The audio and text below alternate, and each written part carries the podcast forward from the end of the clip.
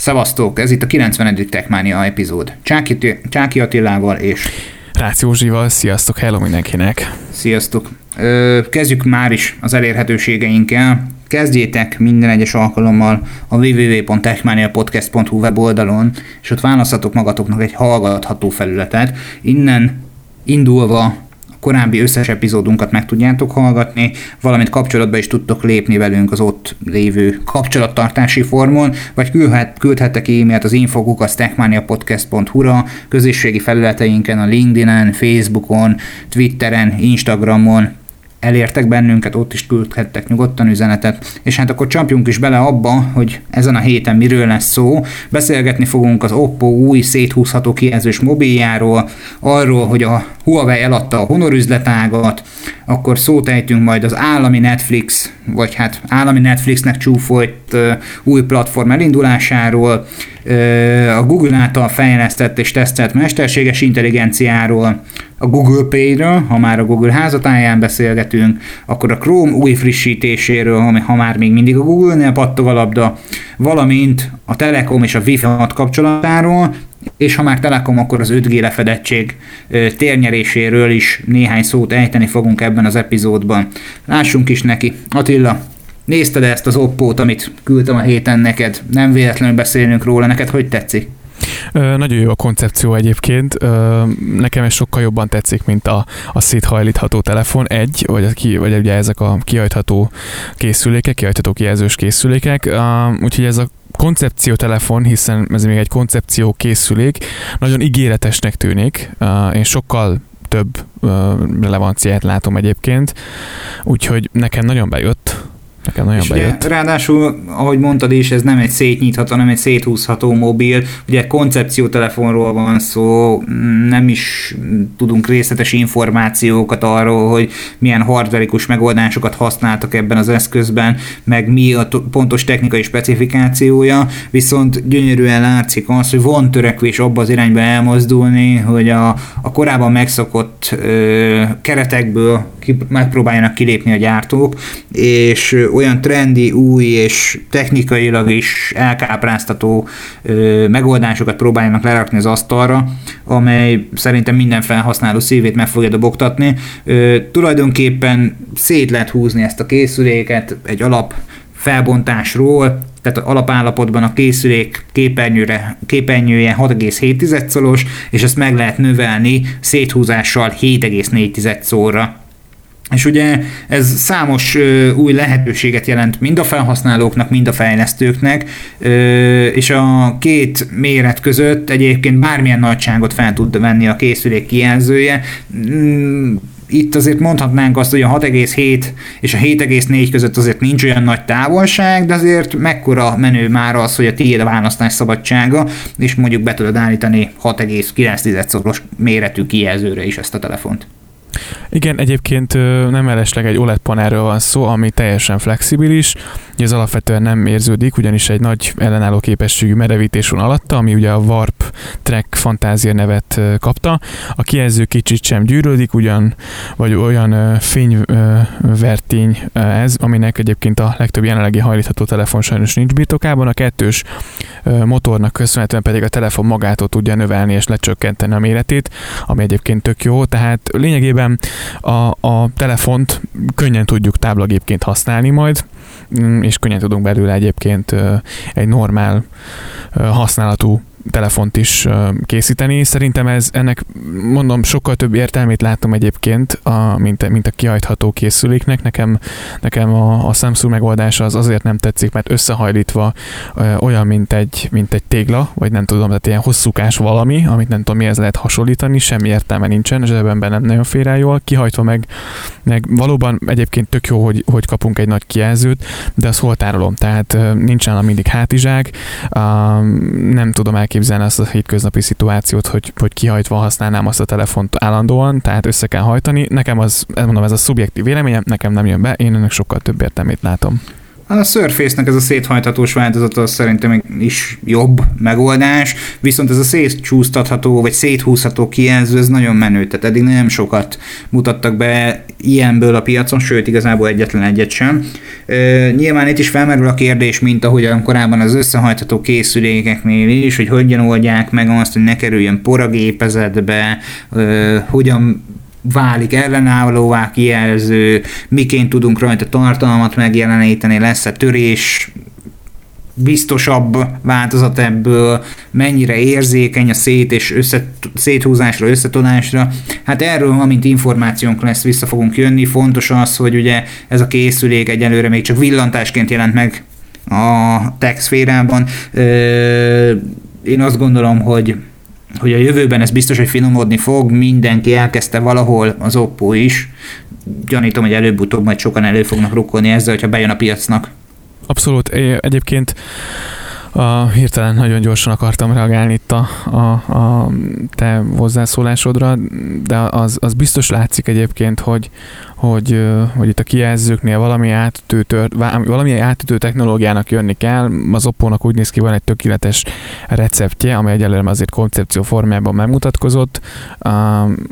Az biztos, hogy, hogy, hogy egyébként, hogyha ezt kiadják, akkor, akkor még lehet, hogy, hogy nagyobb sikereket is elérhetnek de, de az, az biztos, hogy, hogy a jelenlegi készülékek, vagy a jelenlegi kijelzők már azért olyan szinten elérték a, a csúcsot használatban, vagy, vagy, vagy hogy történik-e valami áttő fejlesztésnek, vagy, vagy ennek a előrelépésnek ebben a technológiában is, úgyhogy az Oppo hát lehet, hogy még itt a, a, a Samsungtól is átveszi majd a, a szerepet előbb-utóbb. Meglátjuk. Meglátjuk azért az Oppo is egy nagy játékos a saját házatáján, nem véletlenül ö, szokta házi versenyben akár a Xiaomi-t vagy a Realme-t is emlegetni a szaksajtó abban az esetben, hogyha ha kínai, koreai, indiai vidékre tévedünk, ott azért sokkal nagyobb a készülékgyártónak a piaca, mint mondjuk itt Európában. De nézzük akkor egy kicsit tovább azt, a, azt az égtájat, hogy mi a helyzet arra keleten, mert hogy ugye a Huawei az elmúlt időszakban igencsak kapott az arcára, és ennek eredményeképp azt a döntést hozták meg, hogy eladják a Honor üzletágat, és ezzel is tulajdonképpen magát a Honor üzletágat megmentik, mert hogy ezáltal a Honor üzletág, hogy eladásra került, már nem a Huawei birtokában van, és így nem vonatkoznak rá korlátozások, így tehát a márka élhet tovább. Igen, a, a kiadott egy közleményt itt a, a, a cég, a Honort a Shenzhen Xixin New Information Technology nevű Huawei székhelyének otthont adó Szecsen város kormányzatának tulajdonában álló vállalat viszontaladókkal közösen alakított konzorciuma vásárolta meg a Honort. A 2013-ban alapított Honor az eladások tekintetében egyébként már a, ugye a világ egyik legnagyobb mobiltelefon márkájával nőtte ki magát évente mintegy 70 millió készüléket értékesítve. A Honor üzletág az elmúlt 5 év során egyébként 10 milliárd dollárnyi bevételt termelt a Huawei számára. Eladásra vonatkozóan azonban nem közöltek ugye pénzügyi részleteket. A vállalat az amerikai korlátozások bevezetése óta az egyébként fáradozik, hogy kiváltsa a készülékei gyártásához használt amerikai termékeket, de itt azért több problémába is ütköztek, úgyhogy lényegében azért mi bármi lehet, olyan tekintetben egyébként, hogy mivel ugye Amerikában most Trump bácsinak nem éppenséggel jó idők jönnek, és, és ugye itt egy új vezetés jön, hát kíváncsian várom egyébként, hogy ő majd hogy áll hozzá itt a történethez. Az biztos, hogy a Honor eladásából azért a Huawei kapott jócskán Dellát, elég rendesen szerintem megöntötték őket pénzzel, ezért Uh, nyilván ugye ez jó a Huawei-nek is, de a Honornak is, uh, hiszen ugye tovább élhet és, és tovább működtethetik a, a, ezt, a, ezt az értékes márkát, úgyhogy ö, egyelőre a, amit tudunk még, illetve amit olvastam ugye külföldi oldalakon, hogy az alkalmazottak egyébként teljes mértékben átkerültek ugye ez az új vállalathoz, tehát mindenkit átvettek, ugye, és a Huawei 100%-ban ugye kiszállt ebből a buliból, tehát ők már többé nem birtokolhatják ezt, a, ezt az almárkát, és igen súlyos pénzt kaptak érte, még egyszer mondom, úgyhogy ö, úgyhogy nyilván itt mindkét fél azt gondolom ebből a dealből nagyon jó járt, de legfőképp nagyon bízom benne, hogy a felhasználók is jól járnak, hogy, hogy a készülék az, az még azért igen sokáig támogatott lesz, és, és megfelelő minőségi szinten fogják tudni használni, és tudják hozni remélem azt a szintet, amit egyébként korábban megszokadtak a, a Honor-tól. Én azt gyanítom, hogy itt a zsebből zsebbe történet valósult meg valójában, tehát nem ismerem a, a piaci szereplőket, de én azt gyanítom, hogy az eladás az úgy történt meg, hogy nem véletlenül abba a konzorciumnak került átadásra maga a Honor almárka. Én azt gondolom, hogy közösek az érdekek a jelenlegi Huawei befektetői társulat és azon konzorcium tagjai között sőt, lehet, hogy még a személyek is azonosak. Egy szó, mint száz, hogy visszatérve a, a, a, a, a Trumpinho barátunk rendelkezés erejére és a jelenlegi amerikai választási eredményekre biztos vagyok benne, hogy az ismételti keleti nyitás, kapcsolatfelmelegítés, vagy hát Isten tudja, hogy keleti nyitásnak hívjuk, mert hogyha másik irányba indulunk, akkor nyugati nyitásnak is hívhatjuk az USA-ból meg fog történni. Tehát én biztos vagyok benne, hogy a korábban elharapozott viszonyt megpróbálják valamilyen említhető mederbe visszaterelni, nem ilyen eszeveszett módon megtenni azokat a lépéseket, amit eddig megtettek, vezetés szempontjából, hmm. ezt próbálják ezeket a sebeket majd befoltozni valamilyen módon. De ez már a Huawei-t nem menti meg. Tehát azt gondolom, hogy azt már nem nagyon fogják tudni visszahozni olyan szinten, hogy, hogy az kellene. Tehát... Hát magát a márka nevet nem, de én attól függetlenül azt gondolom, hogy teljes egészében át lesz itt minden tanicskázva a Honor márka alá, és ugyanonnan folytatódik minden, mint korábban. Tehát így csak a márka név fog változni. Erre mondjuk nem gondoltam, igen, hogy, hogy mindent átemelnek a honor alá. Mondjuk simán, simán lehet egyik zsebből a másikba, tehát csak így látszol De ezt a papíron. csak óvatosan, ezt óvatosan teszik Aha. majd meg, meglátjuk, hogy hova fut ki. De hát beszélgessünk arról, hogy itt a piacon rengeteg az azonosság, és mindenki igyekszik a legnagyobb szeretet kihar- kiharapni abból, hogy jelen pillanatban a felhasználók millió egy tartalmat fogyasztanak. Nem történt ez más, hogy Magyarországon sem, hiszen csütörtökön elindult a Filmió, egy úgynevezett régóta belengetett, az internet népétől Netflix nevet kapó streaming oldal a Nemzeti Filmintézettől, amely kifejezetten a magyar filmekre fókuszál a kínálatában. Én azt kell, hogy mondjam, hogy én nem szeretném abból az aspektusból vizsgálni, hogy milyen jellegű támogatásból valósult meg ez a dolog, viszont a munka mértékét és minőségét, és magát a végrehajtott projektet én úgy gondolom, hogy, hogy igencsak dicséret illeti, mert hogy olyasfajta tartalmakat érhetünk el jó vagy feljavított minőségben, amely eddig csak ilyen-olyan különböző forrásokból, torrent oldalakból, digitalizált VHS kazettákról, esetleg jó esetben DVD-kről volt megtekinthető.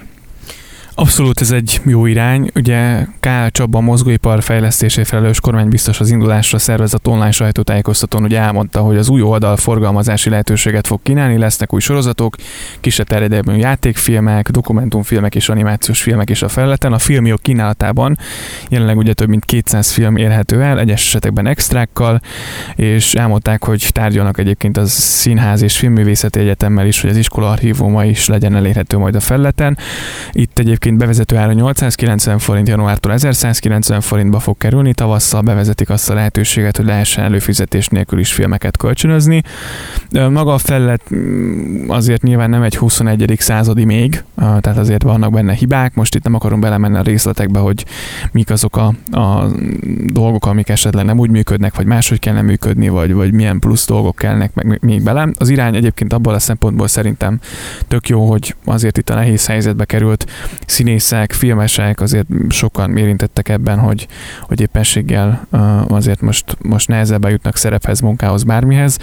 Itt ugye kapnak egy felletet, akár ugye a filmek is, ez nyilván jó a felhasználónak, jó a szerzőnek, jó mindenkinek. Tehát összességében szerintem nagyon jó irány, főleg az, hogy tényleg egy helyre szerveznek olyan tartalmakat is, ahogy te is mondtad, hogy korábban mondjuk az archívum legmélyén lehetett ezt előkaparni valamilyen tényleg egy, egy, egy, egy régi VHS kazettáról, és, és ez most fel lesz egy digitális felletem, ez ebből a szempontból tök jó. Nyilván ebből senki sem fog szerintem meggazdagodni, tehát, de, de ne legyen igazam. Mármint, hogy a, a felületből Szóval... Én, én úgy gondolom, hogy van ebben potenciális lehetőség, már csak amiatt is, hogy akár a valami Amerika 3-tól a hídemberen keresztül megdönteni hajnal tímet, és csak egy pár ilyen ö, főbb címet említenék, még a Csini Baba vagy a Polgány Madonna is megtalálható a kínálatban. Tehát én azt gondolom, hogy ebben az időszakban, amikor mindenki hát mondhatni 8 óra után már nem megy sehova.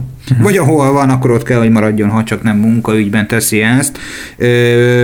Igen, csak megindul a, a tartalomfogyasztás, uh-huh. vagy a csók iránti kereslet, ezt mindenki maga válogatja.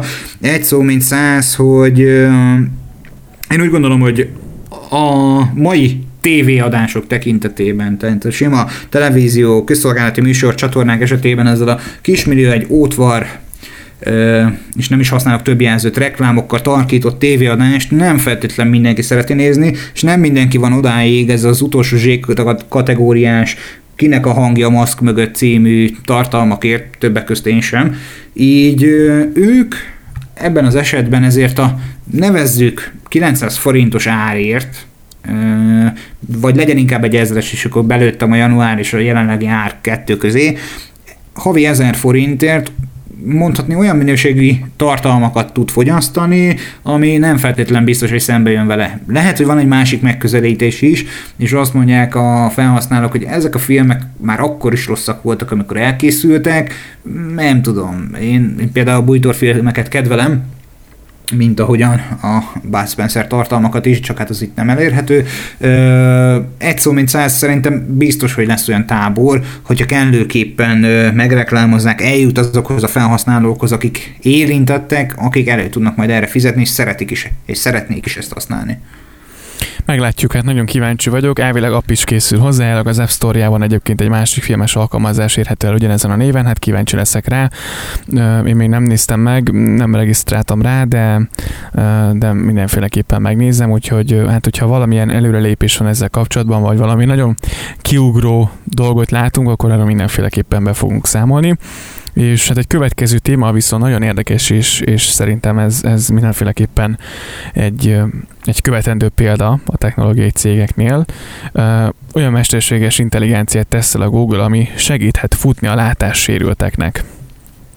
Na, ez hát igen. ezért jó hangzik, jó hangzik. Ez igen ugye a Project Guideline alkalmazás hangjelzésekkel segíteni a vakokat és a látássérülteket, hogy a futópályán tudjanak maradni. Az alkalmazásnak egyébként az a célja, hogy a felhasználó vagy a használó önállóan le tudjanak futni egy futóversenyt. Ez azért ambíciózus cél, mármint hogy a fejlesztői oldalról, de nem lehetetlen azt gondolom. A korai fázisban lévő programot egyébként a Google már teszteli jelenleg. A használathoz a Google által tervezett uh, Hevederhez kell csatlakozni, egy Android operációs rendszerű telefonnal. Az alkalmazás a telefon kamerájával figyeli az utat, és a fejhallgatón keresztül ad egyébként hangjelzéseket a futónak. Az elmúlt időszakban egyébként számos olyan alkalmazás dolgozott a Google, ami a látássérültek vagy vakok embereknek a mindennapos közlekedésében segít, illetve képleírásban vagy éppenséggel az olvasásban is tud segíteni a, a vakoknak. Úgyhogy ez azt gondolom nagyon ígéretes dolog, ami már maga a technológia is, és az, amivel ez, ez ennek a célja, úgyhogy hát ha valaki esetleg, vagy valaki be tud majd szerezni egy ilyen heverdert, nagyon kíváncsian várjuk a tapasztalatokat. Minden esetre azt gondolom a technológia adott, az eszközök már adottak, azért a mesterséges intelligencia szerintem, ha, ha ebben, akkor, akkor abban nagyon-nagyon fogja tudni támogatni ezt a célt és ezt a, ezt a dolgot, hiszen, hiszen azért pont erre való szerintem valahol a, a mesterséges intelligencia. Így van, és a Google az mindig is innovatívan használta ezeket az eszközöket a, a hátrányosabb helyzetben lévő felhasználóknak, népcsoportoknak, teljesen mindegy személyeknek a támogatására.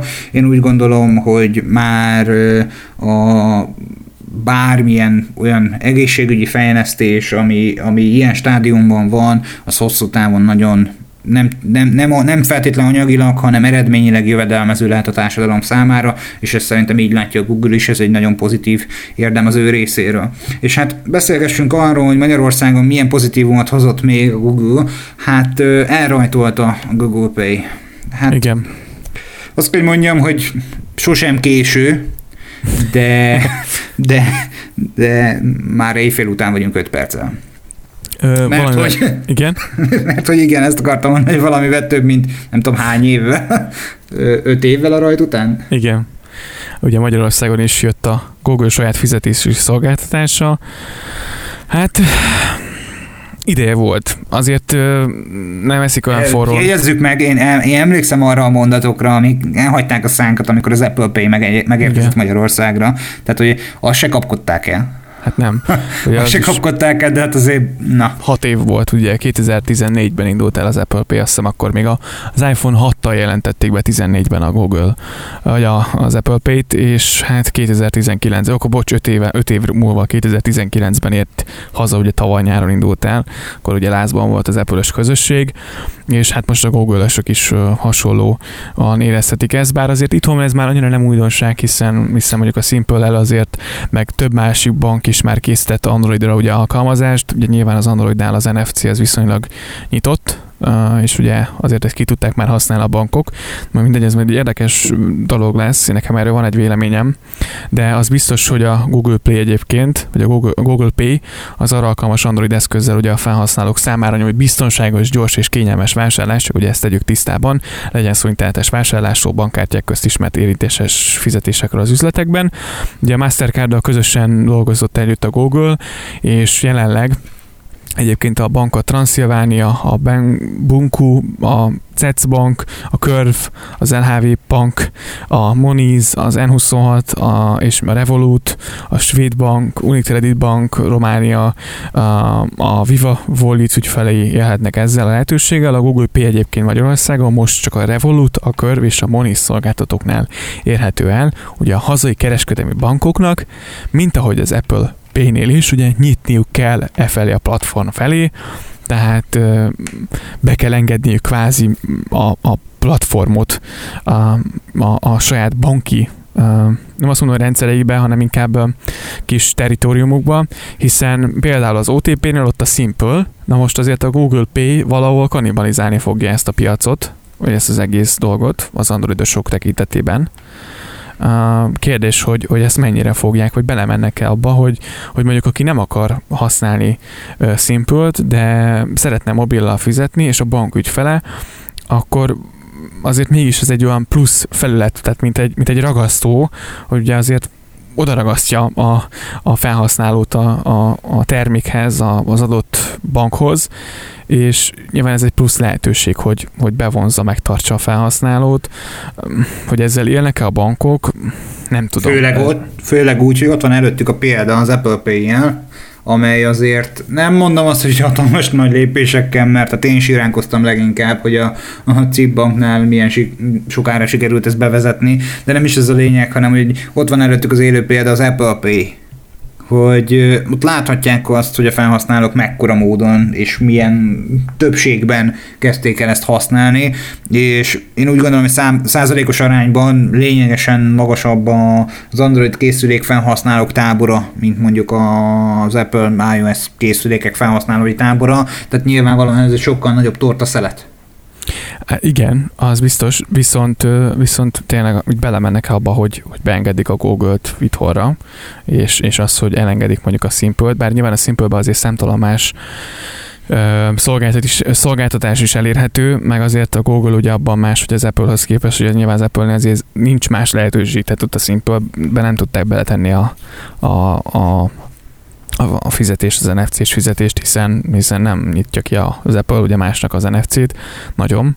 Úgyhogy hát nem tudom, nagyon érdekes lesz. Minden másban egyébként ugye ez a Google Pay um, lényegében megegyezik, tehát ugyanúgy ugye a telefonban van a kártya, ugye itt egy ilyen biztonságos tokennel védik az egészet, tehát ugye egy egyedi alternatív kártya számra cserélik fel az ügyfélnek a, a bankkártyának a számát, tehát abszolút, abszolút biztonságos, úgyhogy eh, a biztonság tekintetében azt gondolom, hogy senkinek ne legyen problémája, uh, viszont az, hogy, hogy ez itthon mondjuk egy, akár egy OTP-nak, egy Erste banknál, akár egy, egy Raiffeisennél, vagy Cibnél legyen szó bármelyik kereskedelmi bankról, mikor lesz elérhető, hát nekem ezzel vannak fenntartásaim.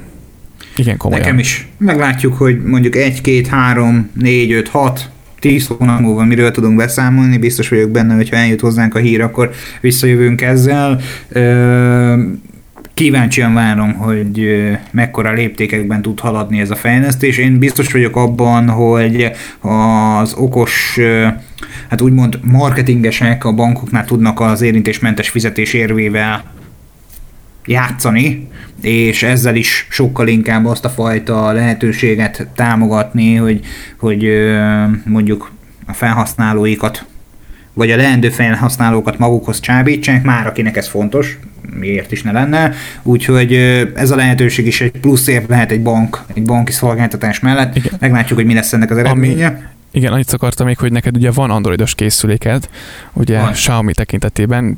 Nem próbáltad ki, vagy nem jutottál még, nem jutottál még ide, hogy nem ezt így foglalkoztam vele, megmondom őszintén. Ö, gondolkoztam rajta, hogy a, a Revolutos kártyát belövöm rá, de tényleg nem foglalkoztam még vele. Uh-huh. Na hát igen, ugye fontos, hogy ha van Revolut kártyád, drága hallgatónk, akkor ezzel vagy azzal menni fog, vagy kör, vagy éppenséggel a Moniz, amely már itthon azért annyira nem használatos, vagy inkább ugye Revolut azért a hazai közösség. Bár, ha a Revolutnál tartunk egyébként, így az utóbbi hónapokban én viszonylag keveset használtam, sőt, mióta ugye itthon vagyunk az elmúlt fél évben, igazából érvényét veszítette ez az egész történet. Neten mondjuk szoktam azért vásárolgatni, de de azért azt megcsinálom a saját kártyámmal, a főkártyámmal, azt mondom, viszonylag biztonságos a dolog, tehát az, az okés, meg ahol lehet mondjuk paypal fizetek egyébként, vagy, vagy hogyha olyan van, akkor nyilván elmegyek személyesen átveszem, hogyha esetleg rendelek valamit itt, itt Budapesten, tehát hogy a, a Revolut kártyám az majdnem, hogy, hogy így teljesen érvényét vesztette, készpénzfelvételre szoktam használni, hiszen uh, remélem, hogy nem hallgatják a Revoluttól, de lassan most már két éves lesz az ingyenes prémium fiókom, vagy metál fiók, Telekom, és azóta is ingyen van, és ez tök jó, hogy, hogy viszonylag magas a, a készpénzfelvétel lehetőség. Bár sok készpénzt se veszek föl, de még apró pénzekre tök jó, hogyha hogy mondjuk kell egy, egy tudom, pár ezer forint, akkor ezt felveszem erről, hogyha mondjuk kinullázom a másikat, vagy szóval, hogy így jó ez. Ne igen, bántsuk, igen. ne bántsuk, jó ez. Igen. Lapozunk egy kicsit tovább, de maradjunk a Google házatáján. Ö, hát a, erről csak az Eating Gram Papa című ö, mém, amely az interneten terjed, jut eszembe mindig, amikor a, a szoftverfejlesztő megkérdezi a Google-től, hogy mennyi ramot ettél, vagy pontosabban a Google Chrome-tól, hogy mennyi ramot ettél. Hát ö, ezt a mémet szerintem megelégelték a Google házatáján, és azt ígérik, hogy a Google Chrome 87-es frissítésével, aminek ugye főverziója most befutott, számottevő teljesítménybeli előre, előrelépést fogunk tapasztalni, a böngésző hatékonyabb erőforrás kezelésének hála sokkal gyorsabb lesz, és azt ígérték, hogy nem ismerül majd annyira az akkumulátor. Hoppá. Na, Hoppá. hát én most mondanám azt nagyon szívesen, hogy ez a 87 ez bűvös szám, biztos, hogy igazuk van, de azért hosszú távon kíváncsi leszek erre a fejlesztésre, mert hogy manapság már tényleg, ahogy a mém is mutatja, egybeforrott a, a teljesítmény és erőforrás lefoglalás kifejezése a Google Chrome-mal, mert hogy olyan szinten zabálta az erőforrást, akár egy Windows-os számítógép esetében, hogy, hogy a 8 GB RAM az nem feltétlen volt elegendő. Uh-huh. A Google vizsgálata szerint egyébként a háttérben megnyitott tabokon a JavaScript timerek emésztik fel egyébként az erőforrások több mint 40%-át. A cég ezért a Chrome 87-ben a, éppen a nem használt lapokon percenként csak egyszer engedi azoknak, hogy felébresszék a CPU-t. A, ezzel ugye a belső tesztjé szerint ugye ötször alacsonyabb processzor használat és akár más nagyjából 1,25 órával hosszabb akkor üzemidő érhető el. Um, Ugye a megoldása a keresóriás szerint ugye ráadásul nem érinti az olyan kedvelt funkciókat, mint a háttérben történő zenehallgatás vagy a weblapoktól kapott értesítések. Egyébként meg kell, hogy mondjuk, vagy én mondjam, az én tapasztalatom szerint én egyébként Windowsos gépen a, az egyik céges környezetben Chrome-ot használok.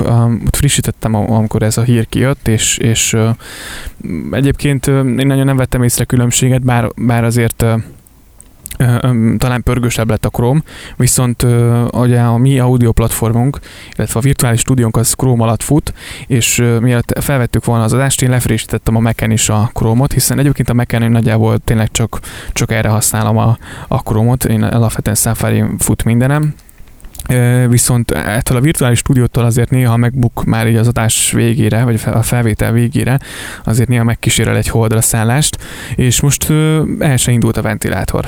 Tehát lehet, hogy működik.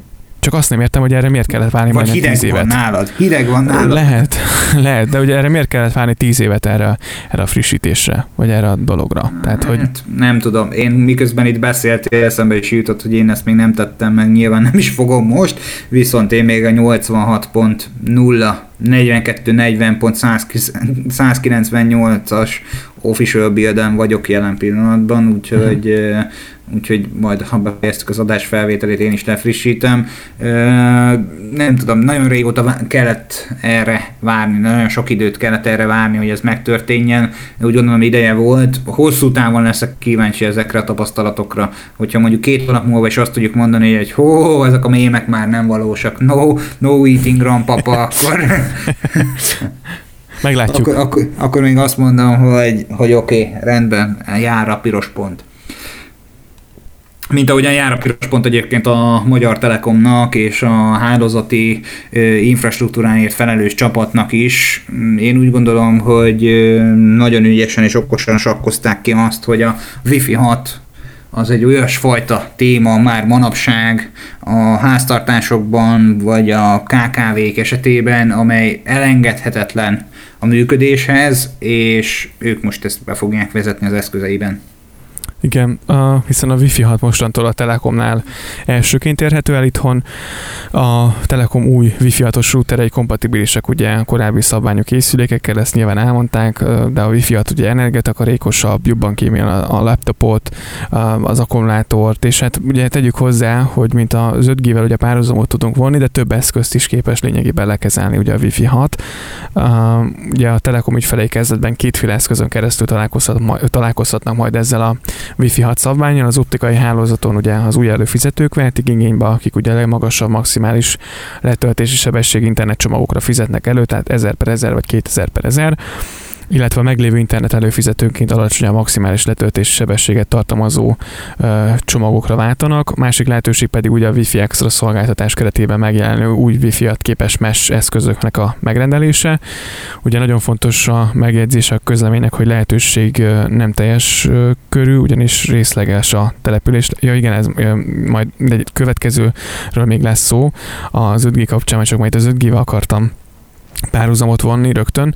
Szóval az biztos, hogy, hogy a Wi-Fi-at egyébként nem rossz dolog, az 5G-vel viszonylag nyilván egy a más technológia, de hogy működésben egyébként lehet párhuzamot vonni, viszont szerintem nekem ezzel még a legnagyobb problémám az az, hogy itthon, itthon azért egy átlag felhasználó szerintem most azt se tudja, hogy a laptopja milyen szabványt választ, és, és még az is probléma szerintem, hogy nekem 10-ből 9 ismerős az a 2.4-es Wi-Fi-t, Wi-Fi-t használja otthon, miközben mondjuk az 5 GHz is elérhető, és mondjuk még az AC szabványú routeres sincs otthon, tehát nem rossz az a Wi-Fi 6, nagyon az, az biztos, hogy tök jó, hogy, hogy, hogy ez, ez elérhető és ott lesz, mint egy lehetőség, és szerintem nagyon sokan ki is fogják használni. De az átlag felhasználók hát őket nem tudom, edukálni kell, vagy segíteni kell nekik ebben, mert, mert nekik erről fogalmuk sincs, hogy ez mi egy-kettő azért viszonylag, most már egyre több eszköz érkezik, de nincs olyan sok támogatott eszköz még. Tehát mondjuk a 20-20-as MacBook Air, amit én vásároltam, és ugye ez még az Intel-es procival van, nincs benne Wi-Fi 6, tehát hogy nem is értem például is, ez egy 20-20-as gép. Tehát, hát van ez, a, van, ez, van ez az hangeffekt, ez a... De tényleg.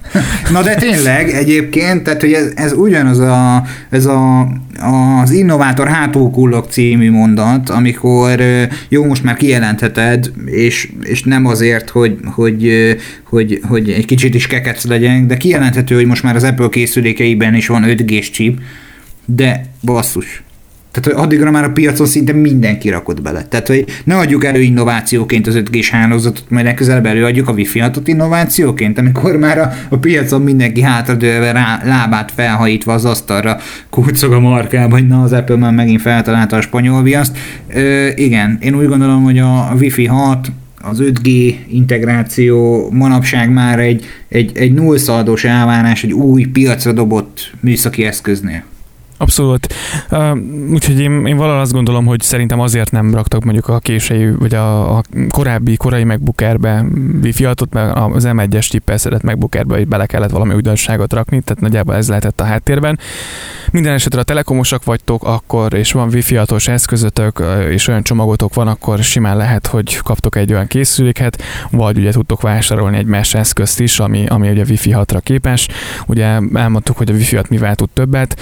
Uh, ugye nyilván jobban kezel az eszközöket, kevésbé ugye meríti az aksit, nagyobb sávszélességet képes átvinni, tehát hogy, hogy, hogy, hogy azt gondolom, hogy tök jó lesz, de egyelőre mondjuk az AC szabvány itt nálam mondjuk tök jól működik, 500-as neten van, nekem többre nincs szükség, az 500-at pedig simán átviszi Wi-Fi-n keresztül a, a mesh eszközöm, úgyhogy szerintem, szerintem egyelőre még egy pár évig én ezzel azt gondolom, hogy el leszek például. Én úgy gondolom, hogy az átlag felhasználó sima, sima számítógépes internetezésre, tartalomfogyasztásra nagyon maximum egy 30 megabit per szekundum letöltési sávszélességű internettel bőven el van az idők végezeteig, legalábbis most a 2020-as év végéig reméljük jövő év már többet és jobbat tartogat nekünk a jelenlegi Nexusban. Egy szó mint száz, nyilván én sem elégszem meg a 30 megabites letöltési sávszélességgel, ezért van gigabites netem, de a Wi-Fi esetében ugye fontos azt megjegyezni, hogy csak és kizárólag akkor kapsz a szolgáltatótól default értékben Wi-Fi 6 képes eszközt, hogyha a gigaerős net csomagjai közül, ugye, ahogy említette Attila, és az 1000 per 1000-es, vagy a 2000 per 1000-es letöltési, illetve feltöltési sávszélességű internet csomagokra váltasz, vagy arra fizetsz elő új megrendelőként, és fontos azt is megjegyezni, hogy az esetek döntő többségében ez optikai hálózaton szokott megvalósulni. Fontos azt is figyelembe venni, hogy az egész ország hálózati lefedettségét folyamatosan bővítik, úgyhogy ha most nem találsz a az adott szolgáltatási végponton, ahol laksz, előfizetésre lehetőséget, akkor érdemes havonta, két havonta visszanézni, ellenőrizni a Telekom oldalán, mert lehet, hogy utána már meg tudod rendelni azt a csomagot. És az 5G-t is fejlesztik, picit maradunk a Telekomnál, héten jött ugye a sajtóközlemény, hogy, hogy az 5 g lefedettségét a fővárosban tovább fejleszti a Telekom. Oliver egyébként küldött nekünk képet az 5G tesztekről, úgyhogy neki köszönjük szépen, ugye itt hét elején beszélgettünk vele, ugye egy 12 Pro-t vásárolt Oliver, és küldött pár, pár tesztet, hogy viszonylag jó kis értékeket sikerült neki mérnie. Egyébként én is tesztelgettem a parlament környékén az 5G-t, és, és, és, és mindjárt beszélünk róla egyébként a frekvenciákról, meg picit, picit itt rendbe tesszük a dolgokat, de ma már itt sebességnél tartunk, akkor mindjárt mondom, hogy mi volt a 603 megabit volt lefelé, fölfelé pedig 121 és 8 alatti ping. A, ugye 10, 10, 10-es pinget ígérnek, hát nyilván ez még azért a, a, a, a, az egyhez vagy a két millisekundumhoz azért még messze van, de hát nyilván azért mérföldekkel jobb, mint mondjuk a 4G-nek a, a válasz ideje, ami, ami ugye azért uh, uh, hát ilyen 18-20-30 millisekundum is szokott lenni, ami nem, szintén nem rossz egy átlagos netezésre, de, de egyébként ez a, ez a 8 millisekundum mobil hálózaton, hát azért szerintem még pár évvel ezelőtt elképzelhetetlen volt. Most pedig ott tartunk már, hogy tényleg 600 megabit és 8-as ping, ami szerintem nagyon jó, és ugye a Telekom amikor lezajlott a, a frekvencia aukció, akkor itt elsőként indította el a 2100 MHz-es, illetve hát ugye elsőként indította el az 5G szolgáltatását, és most a 2100 MHz-es frekvencia sávon is elindul az 5G szolgáltatás Budapesten. A cég ugye úgy számol, hogy 20-20 végére jelenlegi 13%-ról majd 30%-osra bővül az 5G a lakosságra vetített lefedettsége a fővárosban. Ugye még a 3,6 GHz-es frekvencia tartomány használata nagy, akár ugye 1 gigabit fölötti sebességet és nagy kapacitást tesz lehetővé kis területen, addig ugye az 5G szolgáltatás célja, céljára Magyarországon újonnan a használatba kerülő 2,1 GHz perces tartomány az 5G-s lefedettség nagy területre való, gyorsabb kiterjesztését teszi lehetővé, valamint beltéren is sokkal jobb élményt kínál majd. Ezt ugye mondja a Telekom ezeken a helyeken, ahol a 2,6 GHz, vagy 2,1 GHz indul el az 5G, ilyen 500-600 maximális, megabit per szekundumos maximális letöltési sebességet lehet elérni, úgyhogy a, nézzétek meg mindenféleképpen a lefedettségi térképet majd a Telekom oldalán. Az biztos, hogy ugye a, tehát azt fontos tudni és tisztázni, hogy ugye minél magasabb frekvencia tartományról beszélünk, ugye a terjedése annál nehezebb, viszont sokkal jobb és sokkal nagyobb kapacitást lehet átvinni vele, viszont mivel ahogy adódik, hogy mm, rosszabbul terjed, ezért kisebb területet lehet lefedni ugye nagyobb frekvencia tartományal. A 2.1-es tartomány azért valahol a kettő között van, úgyhogy biztosan, hogy, hogy országos szinten azért ez, ezen területen vagy ezen oldalon indulnak el szerintem, és inkább mondjuk a városokban 3,6 GHz, ugye ez látható Amerikában is, ahol ugye a milliméter wave technológia már elérhető, hogy ott a 26 GHz-es sáv körül mennek a dolgok, ugye. A lényegében azt úgy kell elképzelni, mint egy mikrohullámú netet, vagy egy antennát valaki kiirányít egy, egy sugárútra, és hogyha rálát ugye az antennára a telefon, és az a telefon az antennára is, akkor ugye akár elérhető egy 2000 gigabit gigabit vagy egy-két gigabites sávszélesség is készüléken, tehát az ugye még pedig még rosszabbul terjed. Mm, úgyhogy hát izgalmas ez az 5G. Izgalmas. Én úgy gondolom, hogy ezt fontos megemlíteni, hogy Oliver Rántal küldött képeken a saját maga mérései, amely hát valós élő környezetet fednek le. A legalacsonyabb ping, amit én láttam a képeken, az 3 millisekundum volt, és 856 megabit per szekundum le, és 601 megabit per szekundum föl az iPhone 12 Pro-ján. Azt kell, hogy mondjam, hogy ez érdemes egy tapsra minimum, mert hogy ez egy nagyon szép érték. Tudom azt, hogy a jelen pillanatban ez is ugyanaz, mint az otthoni vezetékes internet szolgáltatás, hogy két tábor létezik. Az egyik felhasználói tábor azt mondja, hogy minek az, még a betárcsázós netem is bőven elég volt arra, amire én használom, meg van a másik, a, a Megabit huszár, aki, akinek igazából a 6000 terabitos vagy terabájtos letöltési adatmennyiség kell, és egyfolytában ő csak mindent letöltene, és neki a világ sávszélessége sem elég. Nyilvánvalóan mindenki a maximumra és a tökéletességre törekszik. Én úgy gondolom, hogy ez egy jó irány.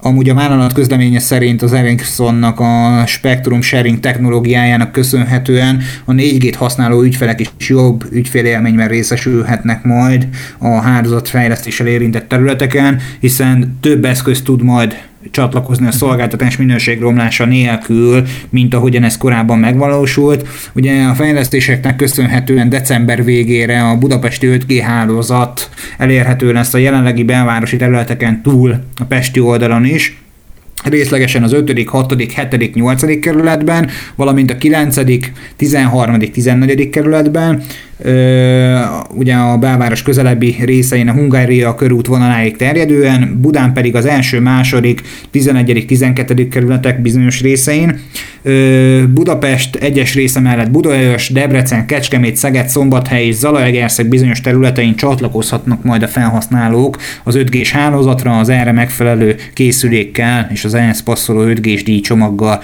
Én úgy gondolom, hogy ez egy nagyon szép irány, az összes többi szolgáltatónak is azt kívánom, hogy ö, zárkozzanak fel, a Vodafone-nak pedig külön említeném, hogy nagyon ajánlom ezt a, ezt a pályát, hogy, hogy ebbe az irányba mozduljon el, mert hogy ott azért vannak komoly fejlődési lehetőségek még, amiket nem aknáztak ki, ez személyes tapasztalat. Hát ezt nagyon finoman és szépen fogalmaztad meg, úgyhogy ezért is járna egy, egy, egy taps. Tehát, um, én, én is olvastam és láttam azért véleményeket arról a hálózatról. Um, hát nem tudom, tehát többet tudnám mondani fáj. Tehát azt mondom, hogy a hétköznapokban fáj ez a dolog, uh-huh. sajnos ö, nem, nem gondolom azt, hogy, hogy egy szolgáltatásnak így kellene üzemelnie.